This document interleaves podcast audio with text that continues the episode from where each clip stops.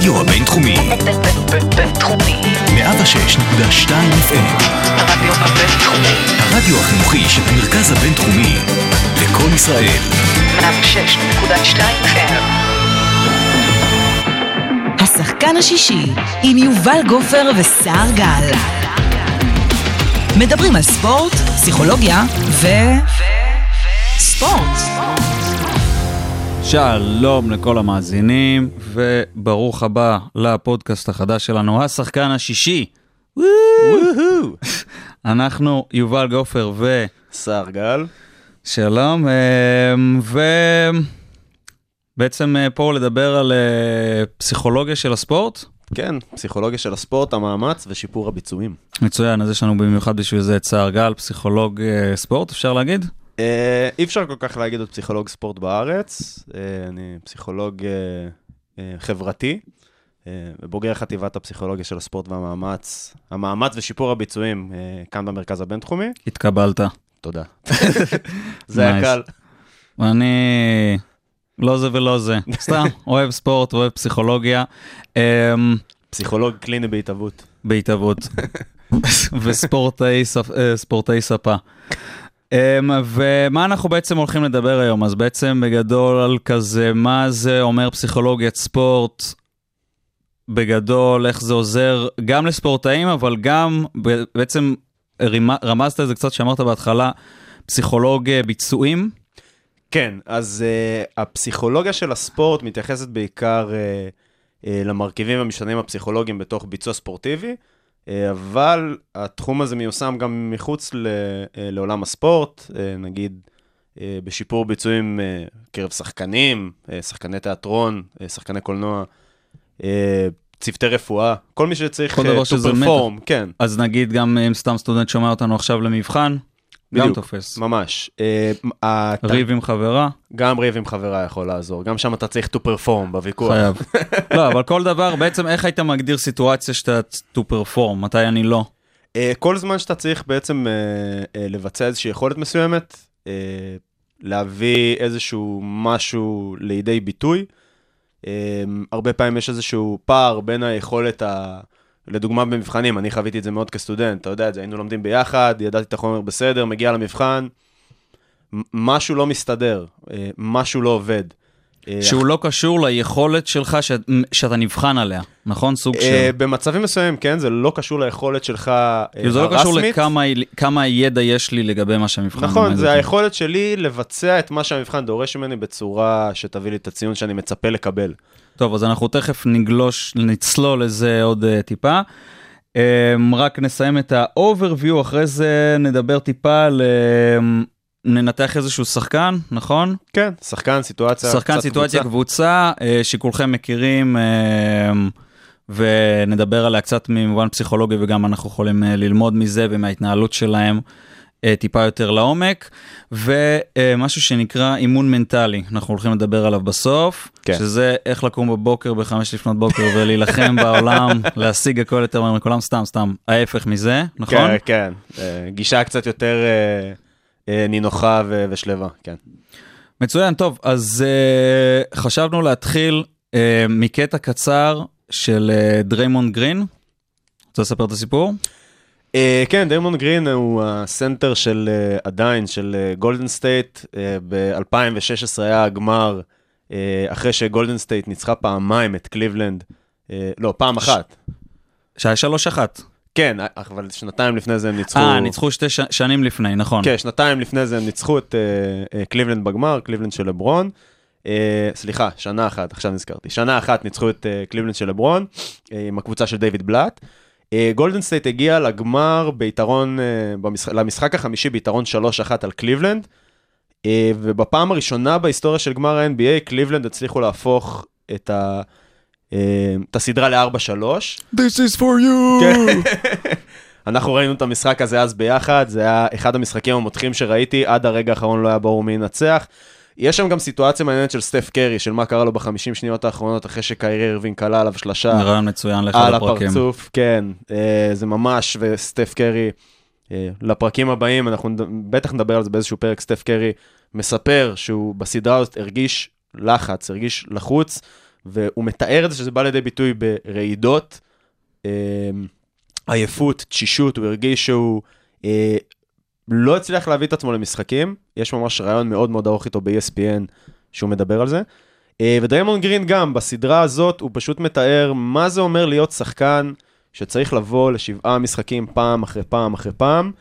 אה, עכשיו, אחת הטענות שהיו נגדם, כאילו שהשאלה הזאת שעכשיו תכף אנחנו נשים את דרמונד רין עונה, זה הם, הם שברו את השיא של הבולס בשנה הזאת, נכון. ש, של 73, הם עשו 73 ניצחונות כן. מתוך 82 משחקים של עונה סדירה, שזה היה, היה תמיד נחשב הבולס של 96, שיא שלא יישבר לעולם, והרבה אמרו עליהם שהם הפסידו את הגמר כי הם הוציאו כל כך הרבה אנרגיות בעונה הסדירה, שהם הגיעו כאילו גמורים. ודריימונד גרין מכחיש את זה ואומר שאין שום קשר, וגם אם זה היה קורה, הם, אה, הם לא היו מגיעים לשלוש אחת, ושבעצם הם היו מוכנים לזה, פשוט לא ברמה המנטלית. נשים את הקטע? כן. אז בבקשה, אה, דריימונד גרין. We are some of the best athletes in the world that train that way. And, and you train your body for that grind. It's a lot harder to train your mind for that than your body. And so, as much as it takes out of you physically to go through an NBA season and a playoff run and an NBA finals run, it takes a lot more mentally. אז זה היה דריימונד גרין, בגרסה היותר ארוכה הוא מסביר גם איך זה, זה, כל הספורטאים האלה בעצם זה אתלטים ברמה הכי הכי הכי גבוהה שיש, גם פיזית אבל גם מבחינה מקצועית, הם מתאמנים ברמה הכי מקצועית שיש, עם האוכל, פיזיותרפיסטים, הכל כאילו סופר טיפ טופ, ש... ותוסיף לזה שיש להם את הנתונים כאילו הראשונים אה, הכי טובים בעולם. אז בעצם מה שהוא מנסה להגיד פה זה מה שמבדיל ביניהם למי ש... בן אדם שהצליח לעשות שושלת של חמש שנים רצוף להגיע לגמר NBA בעונה כזאת ארוכה כמו של NBA, זה בעצם ההבדל המנטלי. נכון. אה, אני לא זוכר מי אמר את זה, אבל ב-The Last Dance, אה, הסדרה על מייקל ג'ורדן, אה, אני חושב שהם דיברו על אה, הגמר ב-97 או 8, אני לא זוכר, נגד סיאטל.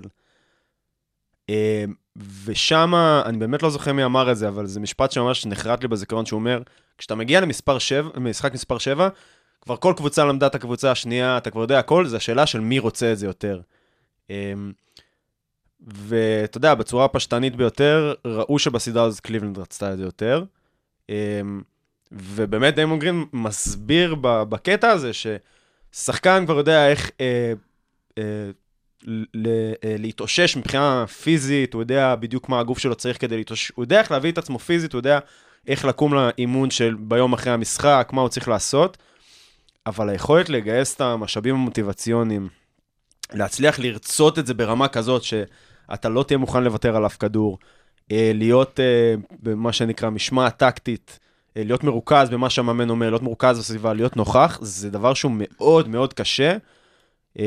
ושוב, וברגע שיש מולך לברון כזה, שרק, שרוצה את זה כל כך ובא לקליבלנד כדי להחזיר את התואר הזה, אז אמרת עכשיו כמה דברים שזה בדיוק, אני חושב, נקודות שאפשר להתחיל לפרק, בגלל שאני בטוח שהרבה מהמאזינים שלנו עכשיו שמעו, אולי בחיים של האימון מנטלי, שמעו פסיכולוג ספורט, שמעו קשיים מנטליים, אה, היה גם לפני איזה שנה וחצי שהתפוצץ כזה שקווין להב וג'י ג'י בופון וכל כן. מיני, ודמר דה רוזן, נכון, הרבה שחקנים מפורסמים אמרו שהם סובלים מכל מיני חרדות ודברים כאלה. וטטטה, מייקל פלפס. Um, אבל מה זה אומר בעצם? מה זה אומר שדריימונד גרין אומר קושי מנטלי? אז זרקת איזה שתי דברים, אמרת שלווה, אמרת מוטיבציה. נכון. בואו נתחיל אולי לפרק אחד, בואו נתחיל ממוטיבציה. מה, מה, זה, מה זה אומר? אה, אולי נתחיל דווקא בלהגדיר מה זה הפסיכולוגיה של הספורט, באופן יאללה. כללי. אמ, כן, נתחיל מלמעלה, כמה שיותר מלמעלה. אה, אז הפסיכולוגיה של הספורט זה תחום מחקר ויישום אה, שבוחן את ההתנהגות אה, של אנשים בביצוע ספורטיבי. עכשיו, מה זה אומר מחקר ויישום? זה אומר שכפסיכולוג ספורט, אה, בהגדרה אני לא מגיע כדי אה, רק לתת כלים, אלא גם יש משמעות מאוד מאוד גדולה לידע האקדמי שנצבר מבחינה מחקרית, אה, ואיך אני מתרגם אותו לפרקטיקה יישומית והפוך. זאת אומרת, אם אני נמצא בקבוצה, איך עכשיו, אם נגיד היינו צריכים לעזור לדריימונד גרין, איך אנחנו נכנסים לגולדן סטייט, מצליחים לאבחן ולבודד משתנים פסיכולוגיים, לראות מה משפיע עליהם, ולהביא את זה באופן כזה שהקבוצה תוכל ליישם את זה כדי לשפר את, את אותם משתנים. אה, עכשיו, זה תחום שהתחיל. בשנות... אז נגיד סתם, אבל שנייה שאני אעצור אותך, אז פרקטית זה אומרת, נגיד, תאורטית היית עכשיו, אה, גולדן סטייט היו, שוכרים אותך בתור פסיכולוג כן. ספורט שלהם, אתה בא ואתה אומר איזה בעיות אני יכול לשפר אה, שהן לא פיזיות, כדי שיגרמו לביצועים הפיזיים סוג של להיות יותר טובים. כן, אני צריך... אה, יש גם את העניין, אה, בתוך קבוצה יש לך גם את העניין של הדינמיקה הקבוצתית ואת הלכידות הקבוצתית, שזה גורם אחד. אה, יכולים להיות המון המון משתנים שמשפיעים על אה, מה גורם לביצוע לא, אה, לרדת. אה, הגורמים האלה יכולים להיות באיך שהמאמן מתקשר עם השחקנים, זה יכול להיות בעיה בתקשורת, זה יכול להיות בעיה של לחץ שמופעל על שחקן אחד ספציפי, יש איז, נוצר איזשהו חוסר איזון. ספציפית בגולדן סטייט ראו את זה באמת עם סטף קרי. החמישים שניות האחרונות מבחינתי זה איזשהו קוריוז לקריירה שלו, יש שם, אלה 50 שניות שאתה רואה שהבן אדם פשוט איבד את זה. כן, אני אחרי זוכר שהוא גם שראיתי הוא את המשחק- זה היה השנה שהוא היה MVP בפה אחד? כן, הוא היה גם בשנה הזאת ושנה לפני זה MVP, והוא פשוט, אתה ראית את זה, הוא, הוא זרק אבטיחים, זה לא היה סטף קרי. זה, זה היה... היה גויאבות, זה היה הוא- גויאבות כן, של הוא אליהו. בזבז זמן בכדרורים מיותרים, זה היה, אתה ראית שהוא לא בא לנצח, אתה ראית שמשהו משהו לא בסדר קורה שם. אני זוכר ששנינו תפסנו את הראש ואמרנו מה קורה לו. סייד נוט, קצת מסי בנבחרת ארגנטינה. אה, כן, קצת מסי בנבחרת טוב, ארגנטינה. אבל אני צולל פה לדברים אחרים, אבל אה, אוקיי, זה בואו נושא אנחנו לפודקאסט אוקיי, שלם, מסי בנבחרת נכון. ארגנטינה. כן, תכין אותם יש עם פה גם עניינים חטות, תכין אותם תרבותיים, עם חטות, כן. זה הולך להיות עצוב. אבל אה, יאללה, אז בוא, אז- אז מוטיבציה, אז התחלנו לדבר על מוטיבציה. כן, אז בתוך התחום של פסיכולוגיה של הספורט, באמת גם יש את תחום המוטיבציה, אחד התחומים המרכזיים. אמ, מה מניע את האדם, זו אחת השאלות המעניינות ביותר. יש עניין עם מוטיבציה, מוטיבציה היא קצת אה, דינמית. זאת אומרת, מוטיבציה יכולה לרדת ברגע. אז אם לגולדן סטייט היה- הייתה את המוטיבציה אה, לקרוע את הליגה ולנצח 73 משחקים מתוך 82, ולהגיע לגמר ובסוף פוגשים את לברון ג'יימס, באותה נקודה הייתה לו יותר מוטיבציה מהם, על פניו. אה, אז אנחנו מגיעים למצב שבו אנחנו מבינים שמוטיבציה זה איזשהו גורם שקצת, הוא קצת טריקי, אבל צריך באמת להבין מהם הגורמים שמשפיעים על המוטיבציה של שחקנים. לדוגמה, אחת התיאוריות היותר אהובות עליי, אה, שמגיעה מהעולם הארגוני ותחום ה-well-being, הפסיכולוגיה החיובית, זה תיאוריית ההכוונה העצמית, אה, Self-Determination Theory, שמדברת על זה שבשביל שלאדם תהיה הנאה פנימית גבוהה, אה, זאת אומרת מוטיבציה פנימית גבוהה, צריכים להתקיים שלושה גורמים. הראשון זה תחושת רגע, מה זה מוטיבציה פנימית לעומת? חיצונית. כן, טוב שאתה... אני רץ קדימה. Uh, כן, אז מוטיבציה פנימית זה מוטיבציה אה, שהיא בעצם uh, self-rewarding, זאת אומרת, אני נהנה מעצם הפעולה עצמה. Uh, אנחנו מקליטים פודקאסט עכשיו, כי אנחנו כבר שנים מדברים על התחומים האלה, ומשלבים את התחום של הפסיכולוגיה של הספורט, uh, ומדברים על ספורט בכלל, רואים משחקים באופן כללי. Uh, ואני בא להקליט את הפודקאסט כי אני פשוט נהנה מזה. Uh, מה שיצא מזה אחרי זה, זה פשוט לא משנה. לעומתי, שאני עושה את זה בשביל הכסף. בדיוק, אחי. לא ותביא לי. קצת ממה שאתה מקבל. לא, אבל לעו- לעומת, משהו שהסביבה כאילו גורמת לך לעשות. בדיוק, ומוטיבציה חיצונית זה מוטיבציה שבעצם מקבלת איזשהו חיזוק חיובי מהסביבה. אה, לספורטאים זה יכול להיות הגביע, אליפות, כפיים, מחמאות, אה, תשואות קהל. ובעצם אנחנו שואפים, זאת אומרת, שתי המוטיבציות נחוצות. שחקן בסופו של דבר ישאף להישגים, לאליפויות, מדליות, שזה חיצוני לגמרי. ניצחונות, שזה חיצוני, אה, אבל הקריירה לא תחזיק אם המוטיבציה לא תהיה גם פנימית, כי אתה צריך לעבור הרבה, אה, אנחנו יודעים היום שקריירה של שחקנים היא דבר מאוד תובעני, אה, וכדי להחזיק את זה, לקום בבוקר כל יום מוקדם, אני חושב על ג'יימי באטלר, שהיה קם ל... ג'יימי באטלר? לא, ממיאמי היט. כן, ג'ים בטלר. ג'יימי באטלר, שהיה קם בשלוש בבוקר לרוץ בדיונות, כדי לעבוד על הקשיחות שלו. כן, אה, הצליח לו. כן, אה, אבל לקום כל בוקר, אה, אם מישהו שמע את הסדר יום של קובי בריינט, זכרו לברכה. אה, זה דברים שדורשים המון המון מוטיבציה פנימית. רק לחשוב על הגביע שבסוף אה, לא יחזיקו ולא יניעו את זה בצורה מספקת. אה, וזה משהו שבוא נחזור נגיד להתחלה, אתה בתור פסיכולוג קליני בגולדן סטייט, זה משהו שעכשיו אתה היית נגיד בא, בודק לכל שחקן איזה סוג של מוטיבציה יש לו ומנסה להביא, להניע אותו למוטיבציה יותר פנימית או משהו כזה, איך זה? זהו, אז בגלל זה גם הזכרתי את תיאוריית ההכוונה העצמית, כי תיאוריית ההכוונה העצמית אפשר ליישם אותה באופן טיפה יותר ארגוני. לבוא לכל שחקן ולהבין בדיוק מה המוטיבציה שלו, הרבה פעמים זה לא יתאפשר בקבוצה. אמ, זה יכול להתאפשר, אבל בגדול הייתי יותר מנסה להכווין את המאמן אה, ליישם את שלושת הגורמים האלה. אה, אז הראשון, כמו שאמרתי, זה אוטונומיה. אנחנו צריכים לתת לשחקנים את, ה, אה, את תחושת האוטונומיה שלהם, לתת את הביצוע שלהם. מה זה אומר? זה אומר שכל שחקן צריך שמצד אחד תהיה לו מסגרת, אבל מצד שני שהמאמן ייתן לו לפרוח ולהתפתח בתחום הזה. אה, פוצ'טינו הוא מאמן מאוד מאוד כזה, מאוד מאוד מזכיר את ה... אני זוכר שפעם היה, נראה לי דסקל, אוריאל דסקל, הסביר איך פוצ'טינו עובד עם שחקנים על טעויות. הוא לא אומר להם למה לא עשית X, אלא אומר לו, מתוך כל האפשרויות שהיו לך, מה לדעתך הייתה האפשרות הטובה יותר אחרי שעשית טעות. וככה אתה מפתח את השחקן. אחרי שעשית את הטעות. אחרי שעשית את הטעות. וככה אתה מפתח את השחקן לחשוב על מהן האפשרויות שהיו לו לעשות, ולא רק אומר לו, מה עשית לו בסדר, אני רוצה שתעשה ככה. כאילו, ואז, ואז הבחירה היא אצלו, כאילו, סוג...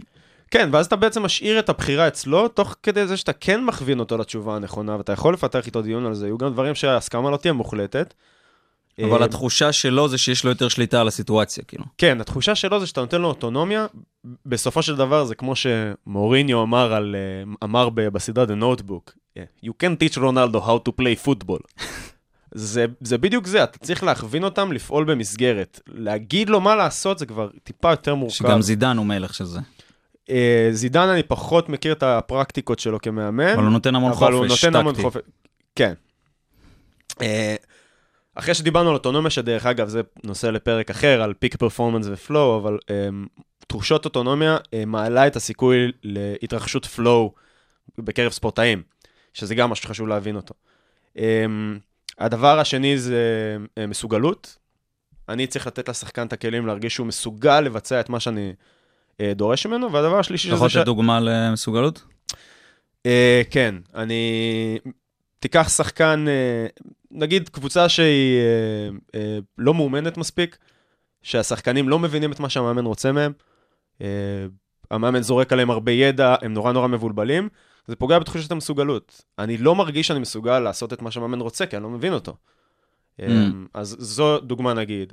אז נגיד אימון, לא יודע, עכשיו סתם, אני חושב בקטע של אה, קבוצת אה, נוער עכשיו, משהו כזה, לתת, לתת להם, אה, לתת לכל אחד תפקיד שהוא, שהוא מסוגל לעשות ושהוא ירגיש ממנו טוב. שזה יהיה מאתגר, אבל שהוא גם יצליח אותו. שהוא בדיוק. מסוגל להצליח אותו. אז uh, העניין הזה של, uh, גם, שוב, נושא לפודקאסט אחר, העניין של הצבת מטרות ומטרה מאתגרת וכולי, זה משהו אחד, אבל כן, אני, עוד לפני שנגיע לתחושת השייכות, כי פה כבר יש עניין של דינמיקות קבוצתיות, um, אני רוצה לתת לשחקנים מצד אחד את האוטונומיה, מצד שני אבל לצייד אותם בכלים שהם צריכים, כדי אז לבצע. תגיד לי, נגיד, אם אני נותן דוגמה דווקא לשלילי, גריזמן לפני, אה, לפני נגיד כמה חודשים.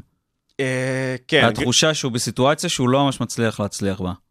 נכון, אז גריזמן עד לפני חודשיים, עד הרנסאנס הנוכחי של הקבוצה בעונה הזאת, היה נראה שאם אני הייתי צריך לשים את האצבע על זה, זה בעיקר, יש פה גם עניין של שייכות, למרות שהשייכות שלו לקבוצה אה, הייתה, הייתה נראית בסדר, הוא היה נראה על פניו שמח ונינוח עם האנשים, אבל כן, זה היה בעיקר תחושת מסוגלות. ה- הדגש על גריזמן בברצלונה וההערה המרכזית והטענה המרכזית נגד גריזמן הייתה זה שהוא פשוט לא מתאים לשיטה, ושאין לו מקום בהרכב. וזה, וזה היית משייך כאילו אז ל... ל... כן, אם אני בסופו של דבר שחקן שיודע לבצע איזושהי יכולת מסוימת, ויש לי כמה יכולות שיש לי אותן ברמת ה-World Class, שגריזמן אולי הכי, בין הכי טובים בהם, אתה מגיע לקבוצה שאין לך את היכולת ליישם אותן, בגלל השיטה. בגלל, כן, נטו בגלל השיטה והשחקנים, כאילו, זה, זה פשוט סיטואציה שהוא נקלע אליה, שכן, שתחושת המסוגלות שלו נפגעה. הוא שחקן שרגיל להבקיע double figures של שערים בעונה, ופתאום הוא עשה את עצמו נאבק להבקיע גולים. וראית אותו מחטיא החטאות איומות, ששחקן ברמה שלו בדרך כלל לא מחטיא. אמ, אז כן, יש פה עניין של תחושת מסוגלות. עכשיו יש איזושהי תחושה שבשלושה משחקים האחרונים הוא מרגיש שהוא קצת יותר מסוגל. עכשיו נגיד, תחושת מסוגלות אצל שחקנים, אתה יכול לראות את זה. אה, גריזמן ספציפית, ושוב, אצל- בשיחות על ברצלונה, אפשר לשקול על זה רק אה, פודקאסט בפני עצמו, אבל אתה רואה את זה, אצל גריזמן, נגיד, ראית את זה מאוד ב... בעוד שנייה שלוקח לו לקבל החלטה עם הכדור. עכשיו, לקבל החלטה, מקב... אני נותן דוגמה, הוא מקבל כדור, הוא עומד עם הכדור, עכשיו, האם אני מוסר, האם אני רץ קדימה, האם אני בועט, האם אני מרים. ולגריזמן הייתה את העוד השתהות הזאת של שנייה שכל פעם הייתה מטריפה אותי, ואתה רואה שהוא זה לא... חוסר ביטחון. חוסר ביטחון, אה, תחושת חוסר מסוגלות. אה, זה יכול להיות אחד מהדברים האלה, אבל אתה רואה, אתה רואה שמשהו בפלואו שלו כשחקן, בקצב של המשחק הרגיל שלו נפגע. אה, אז כן, זו דוגמה לפגיעה בתחושת מסוגלות. והגורם השלישי, אחרי שאמרנו את אוטונומיה, מסוגלות, אז השלישי הוא שייכות, גם הזכרתי אותו כבר. אני צריך להרגיש שייך למסגרת שאני נמצא בה. שזה אז נכון רק לספורט קבוצתי. אה, גם וגם. אה, ספורט קבוצתי כן, למסגרת הקבוצתית, אבל אם אני שחקן עכשיו... אה, טניס. שחקן טניס. אה, בוא ניקח דוגמה של אפילו שחקנים יחידנים שעוברים לשחק בשביל נבחרת אחרת. אם אתה מרגיש לא שייך למקום, יהיה לך קשה מאוד לתפקד.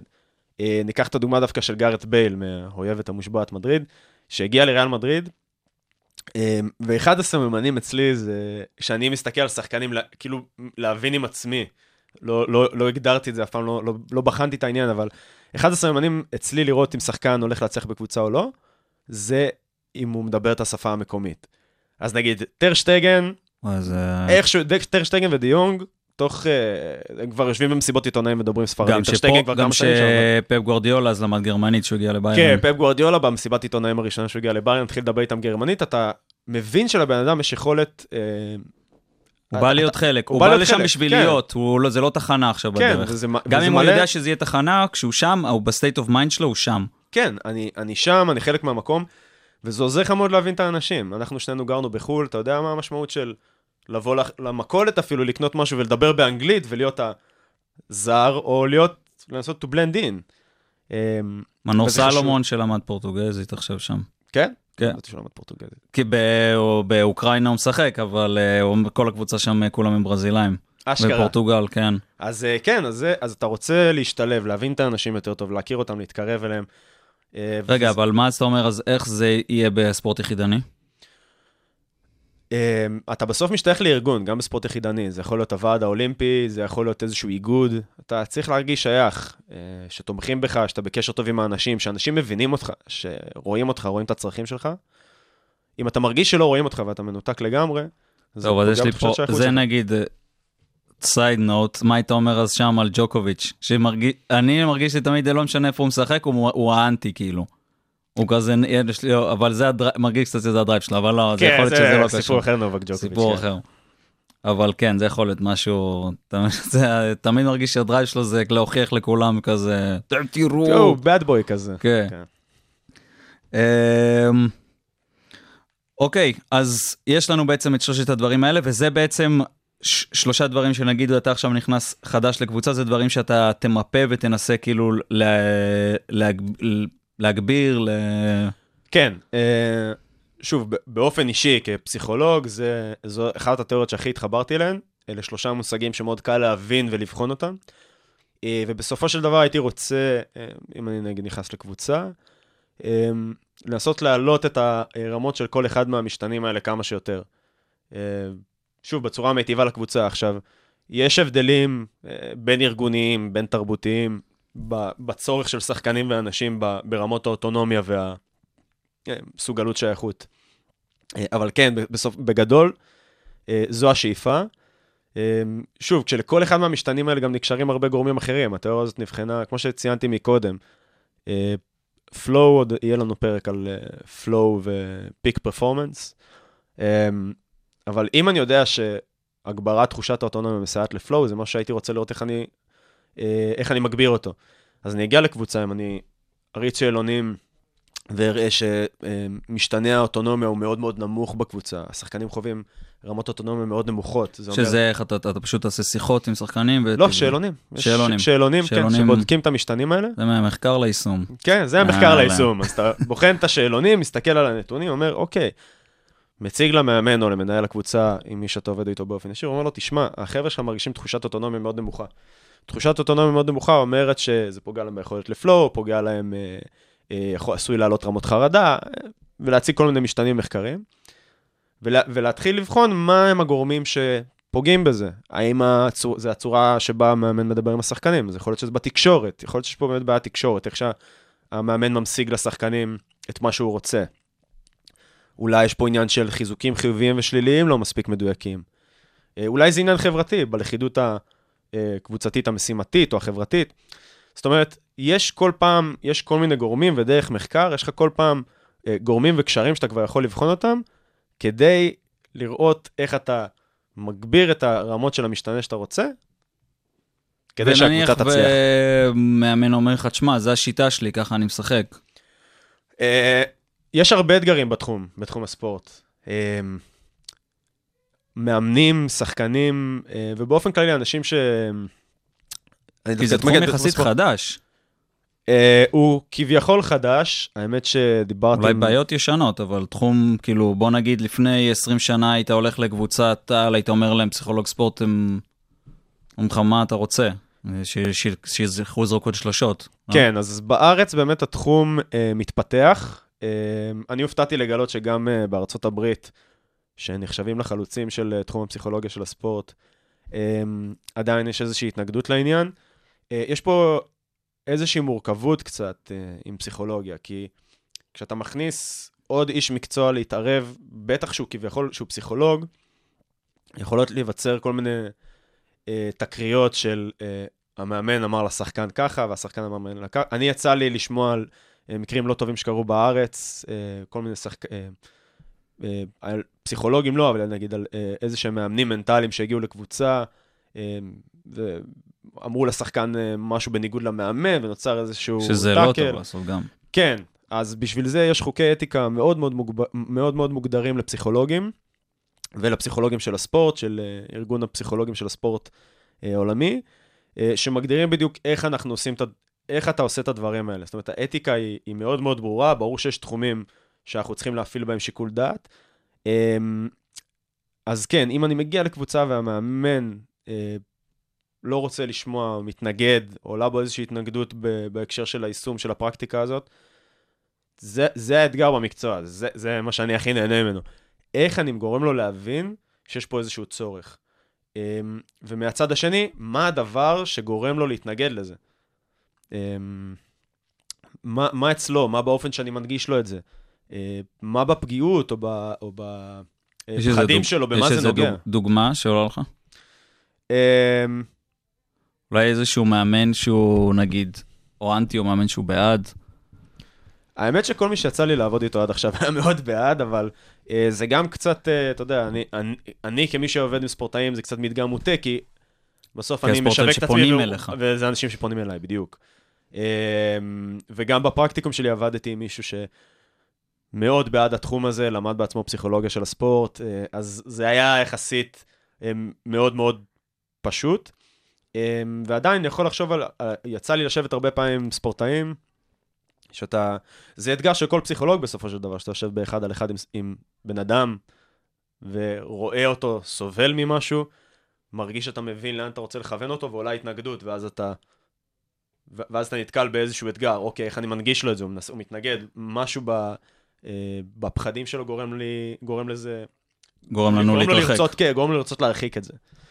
אמ, אז כן, יש, יש הרבה לשנות בתפיסה. אמ, בארגוני ספורט, ואצל ספורטאים בפרט, אה, מתפתח אה, מין סלף קונספט כזה ותפיסה עצמית אה, מאוד מאוד נוקשים. כשאתה נמצא הרבה זמן במסגרת תחרותית, אה, ספורטאים מאוד אה, מודעים לעצמם. אני מאוד יודע מה הדבר שעושה לי טוב, אני יודע מה הרוטינה שלי, מחפשים עוד רוטינות, מחפשים עוד ודאות, ושפתאום אתה בא כפסיכולוג, אה, ומנסה לשנות את זה, זה לא פשוט. אז בואו נעשה תרגילון. יאללה. אני, לפני, היה איזה רעיון עם, אה, עם דני אבדיה, מכירים? והוא, אמ, לפ- ממש כשהוא הגיע ל-NBA, לפני כמה- זה היה? חצי שנה כבר? כן. היה איתו איזה רעיון, ושאלו אותו משהו על פסיכולוג ספורט, והוא אומר, אה, אני לא צריך את הדברים האלה, אני הפסיכולוג." אוהב, אני אוהב להיות הפסיכולוג של עצמי. ספורטאי בן 19 היה אז, עכשיו אני חושב כבר הוא בן 20, ברמות הכי גבוהות מהגיל הכי צעיר, ב- באמת ברמות הכי מקצועיות שאפשר להגיע, בגיל שלו גדל, אתה יודע, במכבי תל אביב במחלקות נוער, אחרי זה NBA. בן אדם כזה אומר לך כזה דבר, מה אתה יכול להגיד לו? אמ, קודם כל, אני, שוב, בגישה שלי לא מנסה לדחוף בכוח. אמ, יש שלבים ליישום של הפסיכולוגיה של הספורט. אה, אני לא אבוא לספורטאי ואגיד לו, תשמע, אתה חייב פסיכולוגיה, אתה, אם אתה לא אז, זה, זה לא עובד ככה. אמ, אני גם מאוד מאמין באיזושהי גישה הומניסטית, אני מאמין שמתישהו ייתקל באיזשהו קושי שהוא יצטרך עזרה. אה, ואם הוא... זה גם מה שיפה בפסיכולוגיה של הספורט. אה, אתה, אתה, אתה מתישהו תיפגש עם איזשהו קושי אה, פסיכולוגי, מקצועי, כזה או אחר, אה, וקשה להתעלם ממנו. אם אתה ואני ביום-יום שלנו נתקלים באיזה קושי, אפשר להגיד, אה, זה בסדר, או לעבור למקום אחר, אבל לא. דני אבדיה צריך, עד שהוא שבר את הקרסול, היה צריך להופיע פעמיים, שלוש בשבוע למשחק ולקלוע נקודות, או לעשות את מה שנדרש ממנו לעשות על המגרש. כשזה לא יקרה והוא, מה שנקרא, will underperformed, הוא יצטרך איזושהי תמיכה, והוא ייתקל בקושי הזה. אז אני לא בגישת הלשכנע, אה, אלא כן להיות שם ולהגיד לו, "אה, סבבה, אם הייתי הפסיכולוג של הקבוצה והיה אומר לי דבר כזה, הייתי אומר לו, הכל בסדר, טוב. בסדר, כן. אתה לא- אם אתה לא צריך, בשבילך." אתה לא צריך. אני פה בשבילך. כן. עכשיו, גם עוד משהו, לפסיכולוגיה של הספורט יש כמה שלבים או כמה צורות. יש את הפסיכולוגיה של הספורט, הפסייקו-אדיוקציה, שזה בעצם הלימוד הפסיכולוגי. זה הגרסה הגרמנית? פסייקו-אדיוקציון, לא, אבל... אה, וואו, כן. זה נשמע כמו קלופ עכשיו, יפה. כן, כן. אמ, לא, זה הגרסה הכלל עולמית. אה, לימוד פסיכולוגיה, אנחנו צריכים ללמד, אמ, ללמד ספורטאים מה זה עוררות, מה זה לחץ, מה- פשוט להמשיג להם את הדברים האלה כדי אה, שידעו, אה, ללמד אותם גם כלים פסיכולוגיים, איך מתמודדים עם, עם כל מיני מצבים לא נעימים אה, ומצבים שאנחנו לא מצליחים לבצע, או אה, משהו בחיי, בחיי השגרה, היום-יום, ה-well-being שלנו נפגע. אמ, יש את רמת התרגול, וגם את הרמה אה, של רמת הפתרון בעיות, רמה הקלינית נגיד. אמ, אם ספורטאי עכשיו מגיע למצב, כמו נגיד נתת את הדוגמה מקודם, של קווין לאב, שדיבר ב-2018 באמצע משחק חרדה. נגד מנסוטה, כן, נכנס להתקף חרדה, הוא סיפר שהוא היה בטוח שהוא הולך למות, פונה לבית חולים, אמרו לו, אתה רק חווית התקף חרדה, והוא אמר, אה, הציטוט הידוע שלו מהסיפור שם זה שחשבתי שהתקפי חרדה זה סיפור של אנשים רגילים, לא, משהו כזה, ordinary people, אני לא זוכר אז בדיוק איפה את באמת הציטוט, אבל- עובר הגבול בין פסיכולוג ספורט לפסיכולוג? עכשיו, נגיד, יש לך עכשיו שחקן שעובר התקף חרדה, שזה מש- בעיה שהיא קלינית. כן, אז um, יש uh, שני סוגים של הפסיכולוגים של הספורט, באופן די רחב. אז יש את הפסיכולוגים של הספורט הקליניים, שמומחים בהפרעות אכילה, דיכאון, uh, חרדה. Uh, כל הטווח שעובר את הסקאלה, מהסקאלה הבריאה והנורמלית לסקאלה הקלינית, לטווח הקליני. ויש את הטווח של פסיכולוגים כמו ההכשרה שלי, שזה פסיכולוגים חברתיים, שכן יודעים לטפל ברמה מסוימת ולייעץ. אה, אבל אם אני כפסיכולוג נתקל עכשיו במצב שבו, לדוגמה, אה, ספורטאי שלי סובל מהפרעת תפיסת גוף אה, מאוד מאוד מורכבת ונוקשה, אני מעביר אותו לפסיכולוג קליני.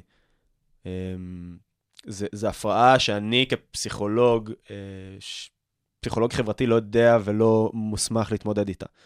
וזה גם אחד מהחוקי האתיקה, לא לעשות משהו ש... או לא להציג שאני יודע לעשות משהו שאני לא באמת יודע לעשות אותו.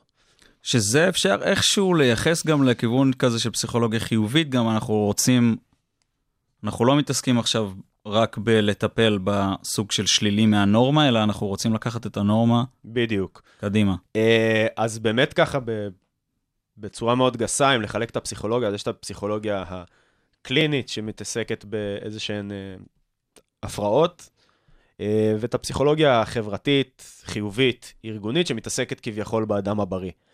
אה, ושניהם מאוד מאוד חשובים. זאת אומרת, אנחנו צריכים לדעת לתת מענה לאנשים שסובלים, אה, ספורטאים ספציפית שסובלים מהפרעות שהן הפרעות קליניות. אה, ומצד שני, להבנות את הקבוצה על ידי מתן כלים וידע פסיכולוגי לתפקוד שוטף של הקבוצה. טוב, אז אה, מה אתה אומר, ניתן איזה אימון מנטלי? יאללה, אימון מנטלי. אז אה, את המשקולות?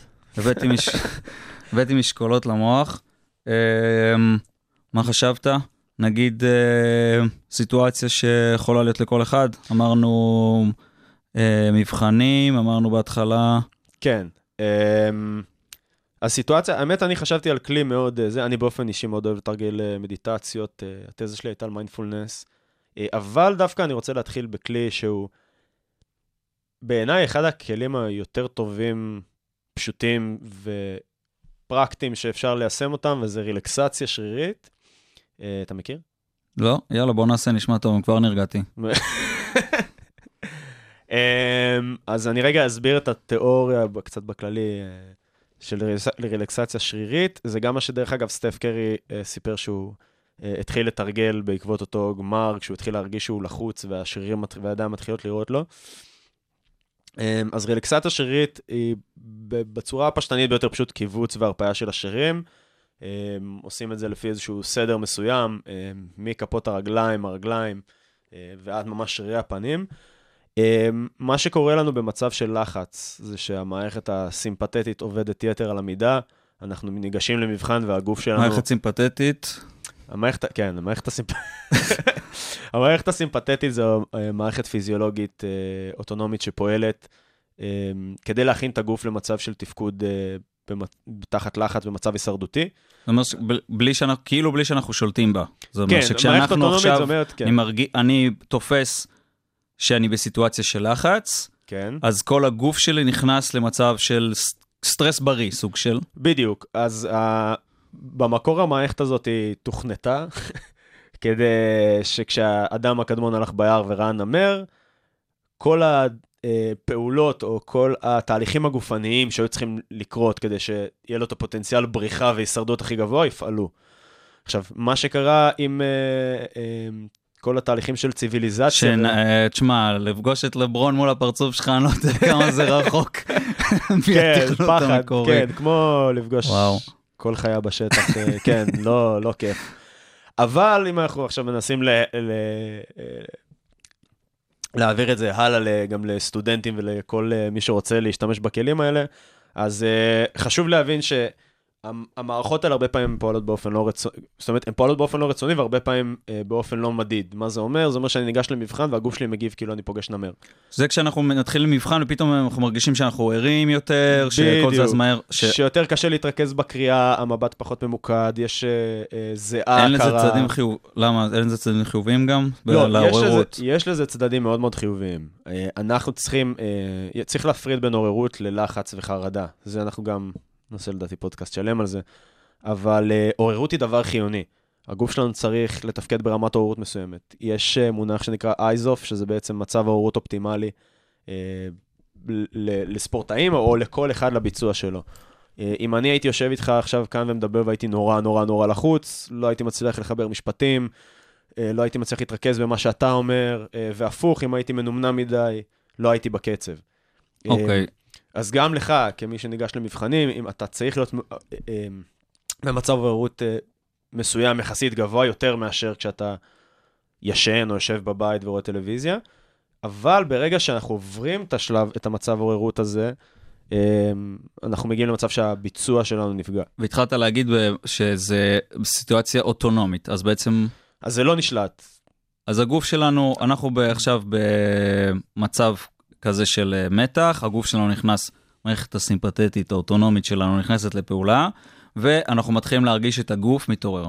בדיוק. עכשיו, מה שקורה מבחינת הגוף, הדופק עולה כדי להזרים יותר אה, דם לאיברי הגוף.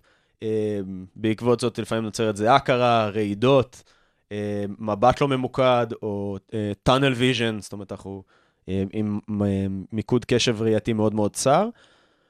וכשזה פוגע לנו בביצוע, אנחנו רוצים להפחית את זה. יש לנו גם תרגילים להעלאת עוררות, אנחנו היום נעשה רילקסציה, זה תפקיד, אה, תרגיל הפחתת עוררות, אה, שלרוב זה הדבר שסטודנטים במבחן, או לא רק סטודנטים במבחן, זה יכול להיות לפני טסט נהיגה, זה יכול להיות לפני רעיון עבודה. אה, כל מצב שבו אני בעצם חו... צריך לבצע איזושהי יכולת מסוימת, מגיע לעוררות שגבוהה מהעוררות האופטימלית שלי, הטובה ביותר שלי לביצוע שלה, ואנחנו נרצה להוריד אותה. ורילקסציה שרירית היא בגלל שהיא מאוד מאוד בולטת וקלה ליישום, לעומת נגיד מדיטציה, שאנחנו עוד נדבר על זה שבמדיטציה לאנשים הרבה פעמים קשה להתרכז, או לא מבינים, ויש פה איזשהו, עוד איזשהו משתנה שלפעמים הוא קצת יותר חמקמק, רילקסציה שרירית היא מאוד מאוד ברורה. מה שטוב בתרגיל הזה שהוא מאוד מאוד בולט, זה אומר, גם אם קשה לי להתרכז, גם זה מאוד קל לי להתרכז. אה, ב... מאוד, ק- זה מאוד בולט התחושה השרירית, תחושת הקיבוץ. שוב, לעומת מדיטציה או מיינדפולנס, שלפעמים יכול להיות כשאני נמצא באיזושהי סערה, יכול להיות קצת מבלבל, איפה אני זה, הקשב רץ. אמ, עכשיו זה מעניין, כי זה בעצם לא מרגיש כזה מנטלי. כאילו, יש, אנחנו פשוט פיזית שחררנו את השרירים קצת, לא? נכון, אז זה כל היופי ב- בתרגיל הזה. הוא על פניו לא מנטלי בכלל, אבל בגלל שאנחנו אה, חיים ב body mind הזה, אה, יש השפעה מאוד גדולה לאיך הגוף שלי מרגיש. יש לנו הרבה תגובות שהן תגובות אוטומטיות. אה, אם תראה עכשיו אה, מישהו שאתה, שפגע בך בעבר ופתאום תתקל בו ברחוב, אתה לא שולט בזה ופתאום עולה איזה קיבוץ, תחושת אי נעימות.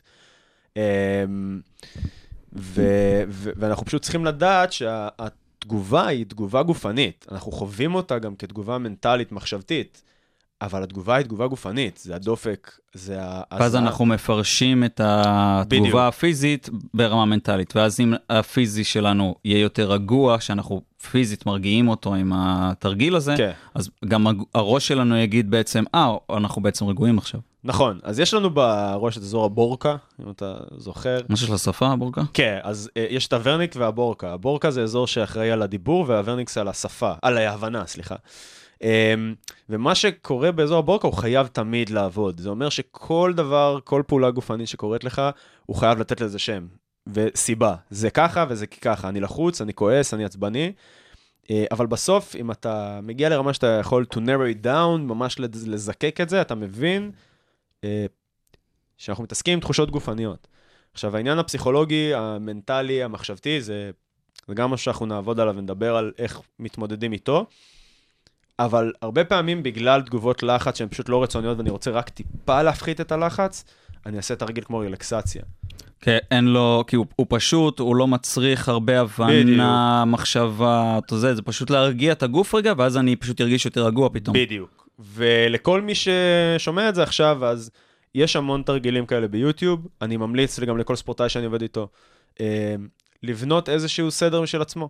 אה, כל אחד יותר נוח לו, חלק יותר נוח להתחיל מהפנים, חלק מהרגליים, חלק... יכול להיות שגם חלק מרגישים לחוצים זה גם- במקום ספציפי, ואז אותו הם, יש- בו, בו הם יעשו יותר, או נכון. שהיית אומר תמיד לעשות את זה. זה תלוי גם בביצוע שלך. יכול להיות ששחקן כדורסל פחות ירצה בידיים כדי לא לפגוע אולי ביכולת אה, דיוק שלו עם הזה, אולי להפך, אולי דווקא צריך להרפות בידדיים. אה, שחקני כדורגל ירצו יותר ברגליים. כל... שחקני בייסבול לא יצטרכו כלום. כן, שחקני בייסבול לא. אולי בכפות ידיים שאוחזות את. המחבט, או לא יודע, אבל אה, כן. בכו- איפה ששמים את הכובע, לא. סדר את הקרקפת. אה, סבבה. תכלס אה, נראה לי עוזר מאוד. אני הולך להשתמש כן. בזה במבחן הבא. אז מאוד מאוד מומלץ. שוב, אני אגיד גם בהערה לגבי זה, uh, לוקח זמן ליישם ולהבין את התרגילים האלה. זאת אומרת, uh, אני מאוד מאוד ממליץ ליישם אותם, אני בעצמי ככה עושה את זה לפעמים שאני מרגיש שהגוף פתאום באופן לא רצוני מתחיל טיפה... ל- ל- לרוץ, ואני בעצם נמצא במצב, יש איזושהי חוסר התאמה בין זה שאני במצב שאני אמור להיות בו רגוע, לבין זה שהגוף נורא נורא לחוץ. Um, זה פשוט לוקח זמן לתרגל ולהבין את זה, ולהרגיל את הגוף לעשות את זה, ולאמץ רוטינה שמתאימה. take it easy. בקטע הבא, איך ללמוד אה, מתיחות אה, מוסוות בדייטים, כזה, כן. בלי שישימו לב. אה, טוב, היה אדיר. היה כיף. אה, פרק ראשון, חברים, אה, ועוד אה, שבועיים כנראה. פרק שבוע, הבא. שבועיים. וזהו, תודה רבה, שר, תודה, גופר. ותודה לכל המאזינים שנשארו עד. עכשיו. להתראות. ביי.